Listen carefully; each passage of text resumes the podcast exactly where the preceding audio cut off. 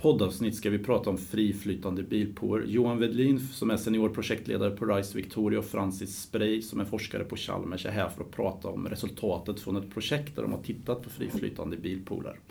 Mitt namn är Magnus Karlström och jag är redaktionschef för nyhetsbrevet om EV.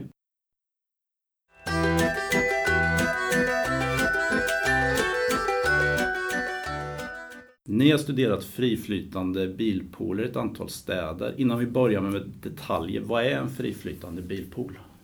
Till skillnad från en stationär bilpool så kan man i en friflytande bilpool hämta och lämna tillbaks en bil egentligen var som helst på en publik eh, parkeringsplats inom ett angivet område, typiskt i centrum av en eh, stad. Eh, man hittar de här bilarna i en telefonapp och man bokar dem där. Eh, man får reda på hur man ska gå eh, och sen så går man till bilen, hämtar upp den och lämnar tillbaks den med sin telefonapp på samma sätt. Man betalar per minut. Så det är ungefär som, att, som en taxi fast man kör själv. Ni har ju då i det här projektet undersökt friflytande bilpooler. Varför har ni valt att studera just detta? Vi har valt det för att det poppar ju upp väldigt många olika nya mobilitetstjänster. Friflytande bilpooler är en av dem. Eh, och det finns inte så jättemånga studier kring dessa och man behöver förstå lite bättre hur de används, var de används, vilken effekt har de, hur samverkar de med kollektivtrafik och andra transportsätt. Ehm, så vi hade möjlighet att ha tillgång till en stor datamängd och eh, tyckte då att det här var intressant att möjlighet att faktiskt kunna säga någonting mer konkret om de här friflytande bilpoolerna. Apropå den här datamängden då, hur har ni gjort studien? Ja, vi har ju då fått tillgång till insamlade data från sådana här verksamheter i 35 städer i, på olika ställen i världen. Eh, det blir alltså ungefär 27 miljoner resor som vi har data från. Eh, och det går till så att eh, precis som jag sa så hittar man de här bilarna på en eh, karta i sin mobilapp. Och då kan man se att den här bilen försvinner när den bokas. Sen dyker den upp någon annanstans i staden igen efter en, en tid senare. Och då vet vi alltså var och när den började och var och när den slutade. Vi vet ingenting om hur den har tagit sig däremellan. Vi kan ändå läsa ut väldigt mycket information från den här typer av data, speciellt när man gör statistik av det. Vi kan se när resorna sker, vi kan se om det är envägsresor eller om man har åkt fram och tillbaka.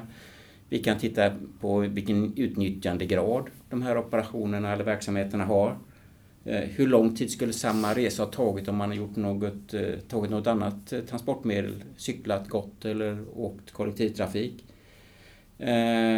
Och på olika sätt kan vi då sluta oss till statistiskt hur, hur de här eh, bilpoolerna används. Om vi, tar, om vi går in på resultaten då, så är det en sak ni har gjort det är att jämföra tidsåtgång och att använda då en friflytande bilpool mot att ta ett annat färdsätt för att komma till samma plats. Vad har ni hittat då för mm. statistiskt? Men där har vi hittat intressant just att om man jämför med speciellt europeiska städer med kollektivtrafik och cykel så är i genomsnitt eh, det inte snabbare att använda de här friflytande bilpoolerna. Eh, det betyder såklart att liksom, tar man, kollar man på alla resor så finns det en, en stor del som är ungefär hälften som är snabbare. Men det är också en stor del av resorna, ungefär andra hälften, som inte är snabbare, som är alltså långsammare att ta med friflytande bilpooler. Ehm, I, om man kollar på Nordamerika så ser vi att det är lite större andel som är snabbare när det gäller kopplat till kollektivtrafiken. Att kollektivtrafiken inte fungerar lika snabbt där som vi eh, ser i Europa. Så att, så att vi tror ju inte att, alltså även om det finns vissa kundundersökningar från till exempel Schweiz och sånt som visar att vissa av dem upptar de här för att spara tid, så ser vi inte det när man slår ut över liksom många olika städer och, och många olika ställen. Utan det får oss att tro att det är kan finnas andra anledningar som gör att man väljer att ta de här tjänsterna istället. Liksom. Det har ju inte ni undersökt så noga i er studie, men vad, ni kanske har några spekulationer vad det är för något som gör att man väljer en friflytande bilpool? Ja, alltså för, för oss blir det bara hypoteser eftersom ja, vi inte då absolut. har kunnat fråga. Men, men just utifrån alltså de, de mönstren som vi ser så tror vi just att det är när man kanske har något ärende, när man har någonting som gör att kollektivtrafiken inte fungerar så bra. Man kanske ska bära någonting tungt. Man kanske ska hämta barn på vägen, man kanske ska stanna någonstans på vägen och det är därför den här resan tar längre tid. Skulle man bara tagit sig från A till B, ja, då hade man kunnat ta kollektivtrafik. Men man kanske ska stanna någonstans och hämta upp något paket eller göra någonting annat. Eh, och då blir det här en, en, ett smidigt komplement till kollektivtrafiken. Eller cykel som också då kanske inte heller funkar för just de ärendena. Ja, just det, jag förstår. Jag tänker, när ni har sett den här statistiken, hittar ni också när bilpool, den här friflytande bilpoolstjänsten används på dygnet? Ja, alltså vi kan ju se eh, när de används på dygnet eh, och det följer ungefär andra transportmode. Det finns en ganska typisk topp på morgonen och sen så finns det eh, en annan topp som är inte lika hög och lite bredare på eftermiddagen och sen börjar runt lunch. Eh, de som är runt lunch är mer, en större andel tur och returresor, alltså man åker fram och tillbaks. Och det skulle ju kunna vara då, återigen en hypotes, att man åker till jobbet kollektivt. Och sen så har man ett ärende på lunch eh, och så tar man den här bilen, åker iväg, gör det och lämnar tillbaks den sen ungefär på samma ställe där man vid jobbet då. Eh, och sen så kanske man åker då eh, kollektivt tillbaks igen eh, hem. Det kan ju också vara så att man åker kollektivt ena vägen till eller från jobbet och sen tar man elbilspoolen eller bilpoolen då för att hämta barnen på förskolan eller köra dem till en träning eller någonting annat. Så det här gör ju då att man får en, en bredare eh, användningstopp på eftermiddagen. Eh, en sak som ni har gjort i er studie är att ni har tittat på data från väldigt många städer och då är man ju nyfiken på skillnaden och ni har ju hittat en skillnad i utnyttjandegrad. Liksom, hur stor är den? Men den är stor. Vi ser från de städerna där det används som minst så är man nere på en utnyttjandegrad av 3-4 procent. Vilket är rätt nära det som man har för privatägda personbilar. Liksom. Det har funnits några som har varit 2% men de har typiskt lagts ner då. Ja. Okay.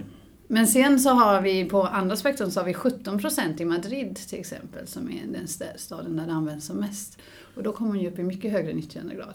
De flesta skulle jag säga ligger någonstans runt 10% eller strax under 10% när man ser.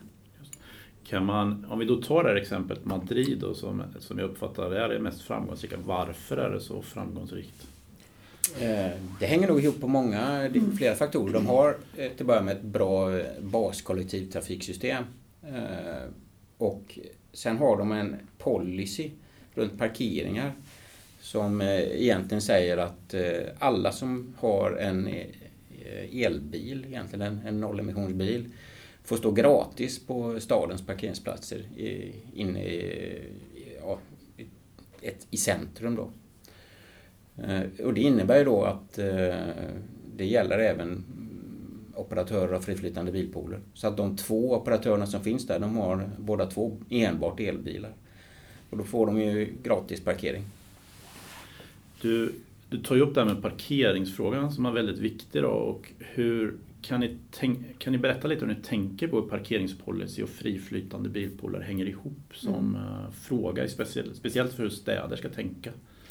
Alltså det hänger ju väldigt nära ihop för dels är det ju så att eh, om man ser för friflytande bilpooler så är ju parkering en av de stora avgifterna för dem, för operatörerna. Eftersom de måste ju i de flesta fallen betala parkering för att hela tiden eh, bilpoolen står stilla. Eh, till skillnad, förutom då kanske i Madrid där de just har valt elbilar och det är ju anledningen då att de har valt bort det. Så vi ser ju där att det finns en stark koppling av hur man väljer eh, och ha parkeringspolicyn. I Amsterdam har man också använt parkeringspolicy på indirekt sätt också för att få elbilar. Eh, där har man istället för att säga att det är gratis så får operatörerna betala en summa per månad år. De får en speciellt parkeringstillstånd. Eh, och det är en fast summa oavsett hur länge bilen står. Men för att kunna få den här så måste de ha elbilar. Så att staden har ställt det som krav istället. Um, och då kan ju staden styra också där då genom den här parkeringspolicyn hur, vilka sorts bilar, friflytande bilpooler man har. Uh, så det är liksom både Madrid och Amsterdam med olika exempel hur man har använt parkering i viss mån för att styra hur, vilka bilar man vill ha. Precis. Ni, ni, I de här 35 städerna, eller jag kommer inte ihåg exakt hur många det var, mm. så har ni både tittat på bilpooler som använder vanliga typer av bilar och sådana som bara använder laddbara fordon eller kombinationer. Då. Har ni hittat någon skillnad liksom, statistiskt hur de används? Nej, inte hur de används. Eh, vi kan inte se, vi har tittat på det, vi ser ingen skillnad i användning mellan fossildrivna och eh, eldrivna. Så man kan väl säga att ur användarens synpunkt så kan de med fördel vara eldrivna. Eh, räckvidd och sånt där brukar just inte vara några problem i de här områdena vi pratar om, inne i centrum på städer. Men sen kommer man då hit det här att eh, en elbil måste laddas och speciellt om de här används mycket, eh, vilket ju man ju vill förstås då som operatör i alla fall. Eh, ju mer de utnyttjas desto oftare behöver de laddas. Talar man just exemplet Madrid så laddas de minst en gång om dagen extra så att säga förutom nattladdningen då. Men jag tänker tillbaka till det här med räckvidden och elbilar. Alltså, det man tänker på är att de här friflytande bilpooler används ju främst i städer. Om man säger genomsnittet av olika resor, längden är ungefär en halvtimme.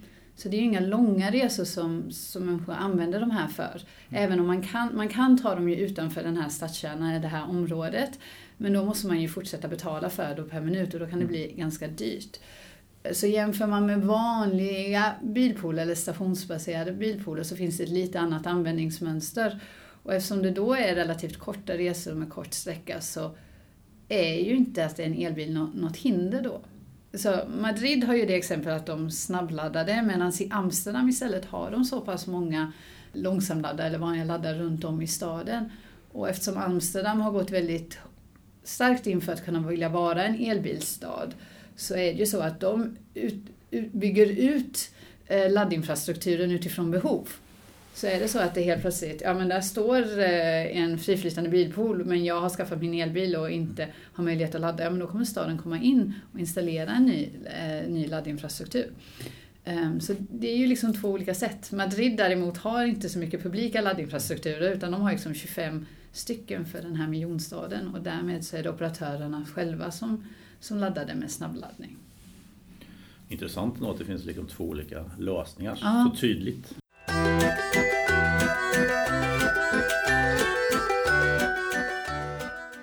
Ni har ju även tittat på Stockholm va, i den här studien. Mm. Eh, så ni får gärna säga några ord om hur Stockholms friflytande bilpool fungerade.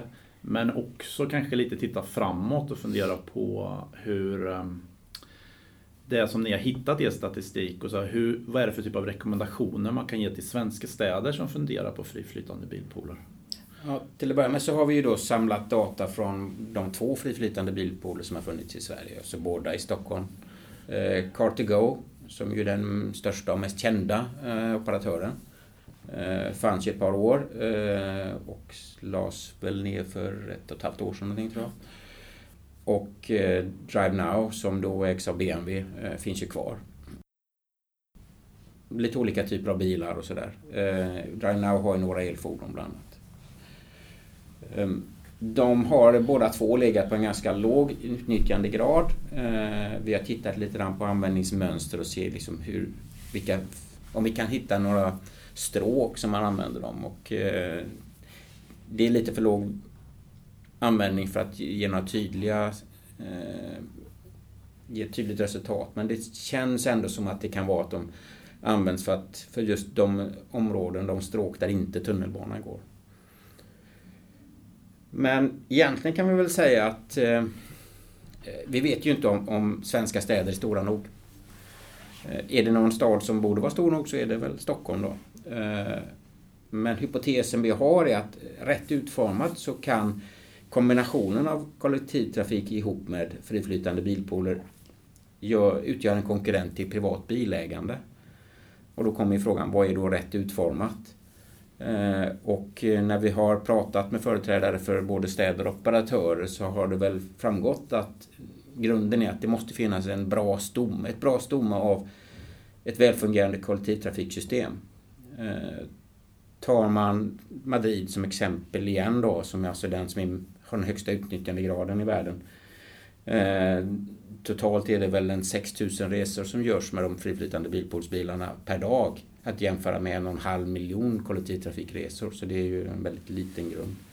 Och sen finns det ett antal andra kriterier som behöver vara uppfyllda. Det handlar om biltäthet, det handlar om antal publika parkeringsplatser, trängselnivåer.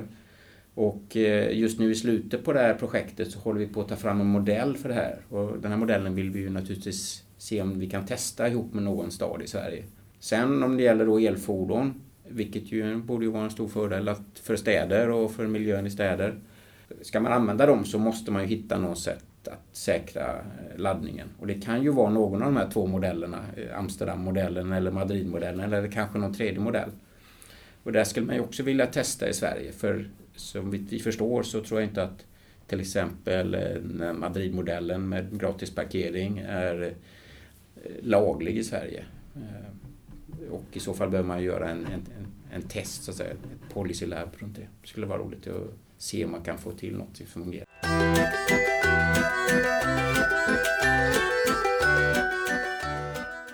Nej, då tänkte jag vi skulle gå över lite och prata framtid om. För det finns ju då kopplingen till eh, möjliga andra typer av mobilitetstjänster. Eh, exempelvis så här Mobility as a service, att man kan liksom köpa hela paket av res, resen, eh, ja, resebehov. Och jag undrar lite hur ni tycker att friflytande bilpooler hänger ihop med det, om ni kan säga någonting om det?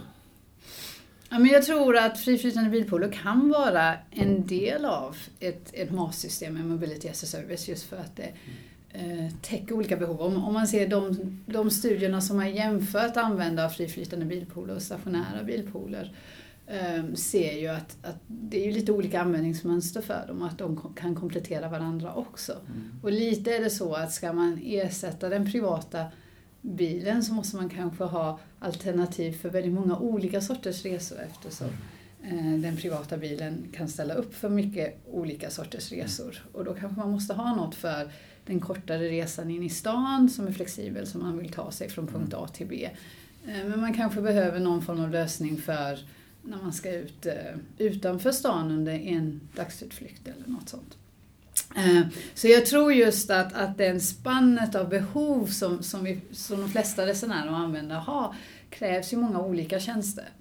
Sen är det ju intressant att veta om, om det är så att det blir många enskilda operatörer som sätts samman eller om man får liksom en mer övergång mellan olika och att det inte är så strikt definierat att här finns en friflytande bilpool eller och här är en stationär utan och här är hyrbil utan att det kanske blir något mer kontinuum istället. Det är spännande. Och en annan typ av framtidsfråga och nu är ju Johan här, är ju min kollega, han är ju faktiskt redaktionschef för autonoma fordon i Sverige, i det fina nyhetsbrevet. Så nu kan jag ju även fråga lite om autonoma fordon till dig. Mm. Eh, vad det får för betydelse för friflytande bilpooler?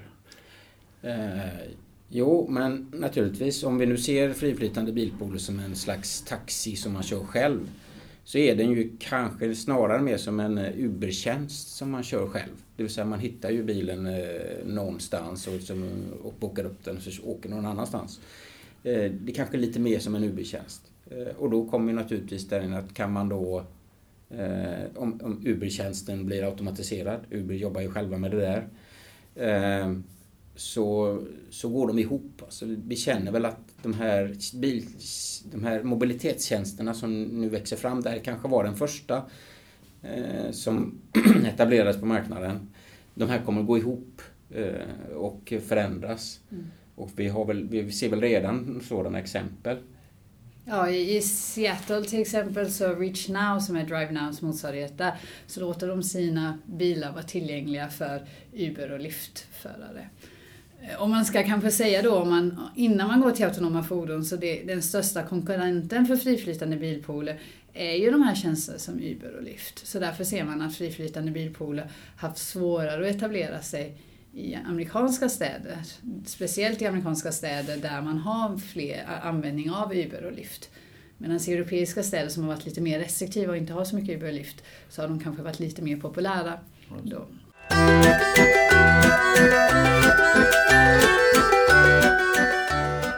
Jag tänkte att vi skulle lämna er studie och den datan som ni har samlat in och kanske mer prata om eh, allmänt om bilpooler. Lite grann nu mot slutet här. Och eh, hur tänker ni liksom, eller vad tror ni att bilföretagen har för relation till bilpooler generellt och kanske friflytande bilpooler också? Eh, liksom, vad har de för strategier och tänk? För det är ju många som kommer från bilföretagen. Mm. Ja, så är det ju. Eh, som sagt, eh, Car2Go ägs ju av, eh, av Daimler och Drive Now ägs väl av BMW och Sixt. Mm. Och Rich Now som är deras BMWs i USA. Då. Så att, och det är ju så att det finns ju en, en direkt koppling är att en sån här bilpool kan man ju inte sätta upp med två, tre bilar. Eh, som man kan ju för sig göra med en stationär bilpool. Utan här måste man ha eh, en tillräcklig täthet i det här området redan från början. Typiskt börjar man med 200 bilar. Eh, och sen de framgångsrika så har man kanske då 1000 bilar i en sån här bilpool. Så att det är ju en ganska stor investering. Eh, och är man då ägd av ett bilföretag så klart, då kan man nog få lite rabatt på de där bilarna. Så det, det finns ju en sån direkt koppling. Men sen eh, eh, om, så är det nog ändå så att bilföretagen i sig, de ser väl här som ett sätt att ge sig in i, i eh, en av de här tre trenderna, nämligen delning. Då. Det finns ju tre trender man säger. Det är ju automatisering, elektrifiering och delning. Och eh, bilföretagen är, är ju alla, allihop, de är på de här tre trenderna och detta är den tredje. Eh, och alla vill väl vara på något sätt med där. Mm. Eh, antingen i friflytande bilpooler eller i stationära bilpooler. Eh, de här som sagt Daimler och BMW kanske är de mest kända men även Volvo med sitt ägande i Sunfleet och Peugeot, Citroën och så vidare. Alla har de någon typ av bilpoolsverksamhet som de involverade i. Vi lämnar bilföretagen och går över till kunderna. Hur, hur, eh, det har ju funnits bilpooler ett tag och friflytande bilpooler ett tag också givetvis. Vad är det liksom eh, i litteraturen som man hittar runt vad kunderna egentligen vill ha för funktioner? Alltså de vill ju ha en funktion som är lättanvänd oftast. Och sen är det ju, det här är ju ofta Eh, personer som är relativt unga, välutbildade och som man, man tänker ibland att kanske ja, men bilpooler skulle kunna vara för de som inte har råd att köpa bil, fast så är det inte riktigt. Utan snarare är det eh, oftast folk som har lite högre inkomst som faktiskt är med i de här också. Um, ofta är det folk som har sett eh, med den negativa sidan av att äga bil kanske då. Att man kanske bor i, eftersom det är i stora städer, där det är jobbigt kanske med parkering och tillgång till det. Eh, och då blir Eh, det här en möjlighet att komplettera kollektivtrafiken och göra det kanske möjligt då att leva utan en bil men ändå ha tillgång till eh, bil när man behöver det. Då. Ehm, så det är väl det, man vill ha en tjänst som är lätt att använda och där, bilen, där man har en säkerhet av att bilen finns tillgänglig när man vill ha den. Och det är ju därför man till exempel med friflytande bilpooler som finns i ett stort område måste ha ett visst antal bilar. För att ja, man är inte beredd att gå alldeles för långt för att nå den här bilen. Utan man måste ju kunna gå kanske max 400-500 meter för att komma till sin bil. Eh, så att om man vill vara säker på att den finns där när, man behöver den. Så det är väl det som är de viktiga grejerna egentligen. Liksom. Jag tänker väl två saker. Det ena är att eh, man vill ju lösa sitt mobilitetsbehov. Och det är kanske inte bara, så tittar man statistiskt så åker man mest fram och tillbaka till jobbet. Men man, har, man tittar ju på sitt hela behov. Mm. Om man då inte löser alla delarna så kanske man någonstans köper en egen bil och har man köpt den, då använder man den gjorda investeringen till alla resor. Så det gäller att bli av med, klara av hela spannet eh, av resor och då kan ju den här typen av mobilitetstjänster eller Mobility as a Service kanske då ihop med ett bra kollektivtrafiksystem förhindra att jag skaffar en bil. Mm. Så den ena grejen. Den andra är faktiskt ju att det här är ju ett sätt att för innerstadsbor att ha tillgång till elfordon. Det kan vara lite lurigt att om man bor i en eh, flerbostadshus in i en stad att få tillgång till laddning. Och eh, med en sån här tjänst, om den är baserad på elfordon, så kan man ju få tillgång om man är intresserad av att köra elfordon. Vilket väl fler och fler håller på att bli.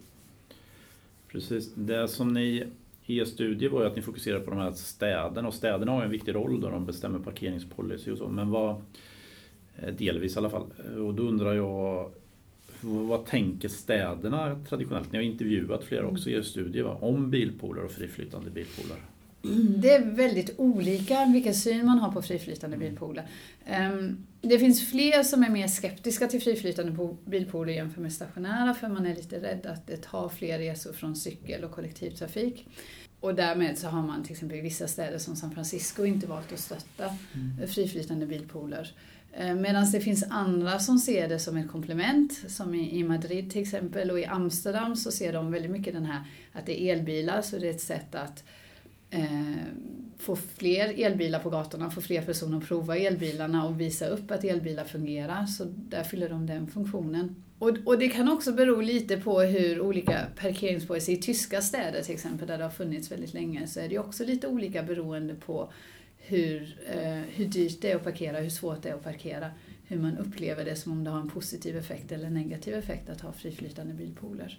Så det, det finns liksom inte en enhetlig bild utav det, utan olika städer har lite olika syn och kanske lite också i viss mån experimentera och i vissa städer så har de friflytande bilpoolerna ingen kontakt med stats, eh, stadsledningen och sånt utan de har etablerat sig där ändå. Liksom. Jag förstår. Eh, Johan tog ju upp här de här tre trenderna som håller på att ske och du Francis har ju precis skrivit en artikel om detta. Du får gärna, mm. vad heter artikeln och var, var hittar man den och vad handlar den om?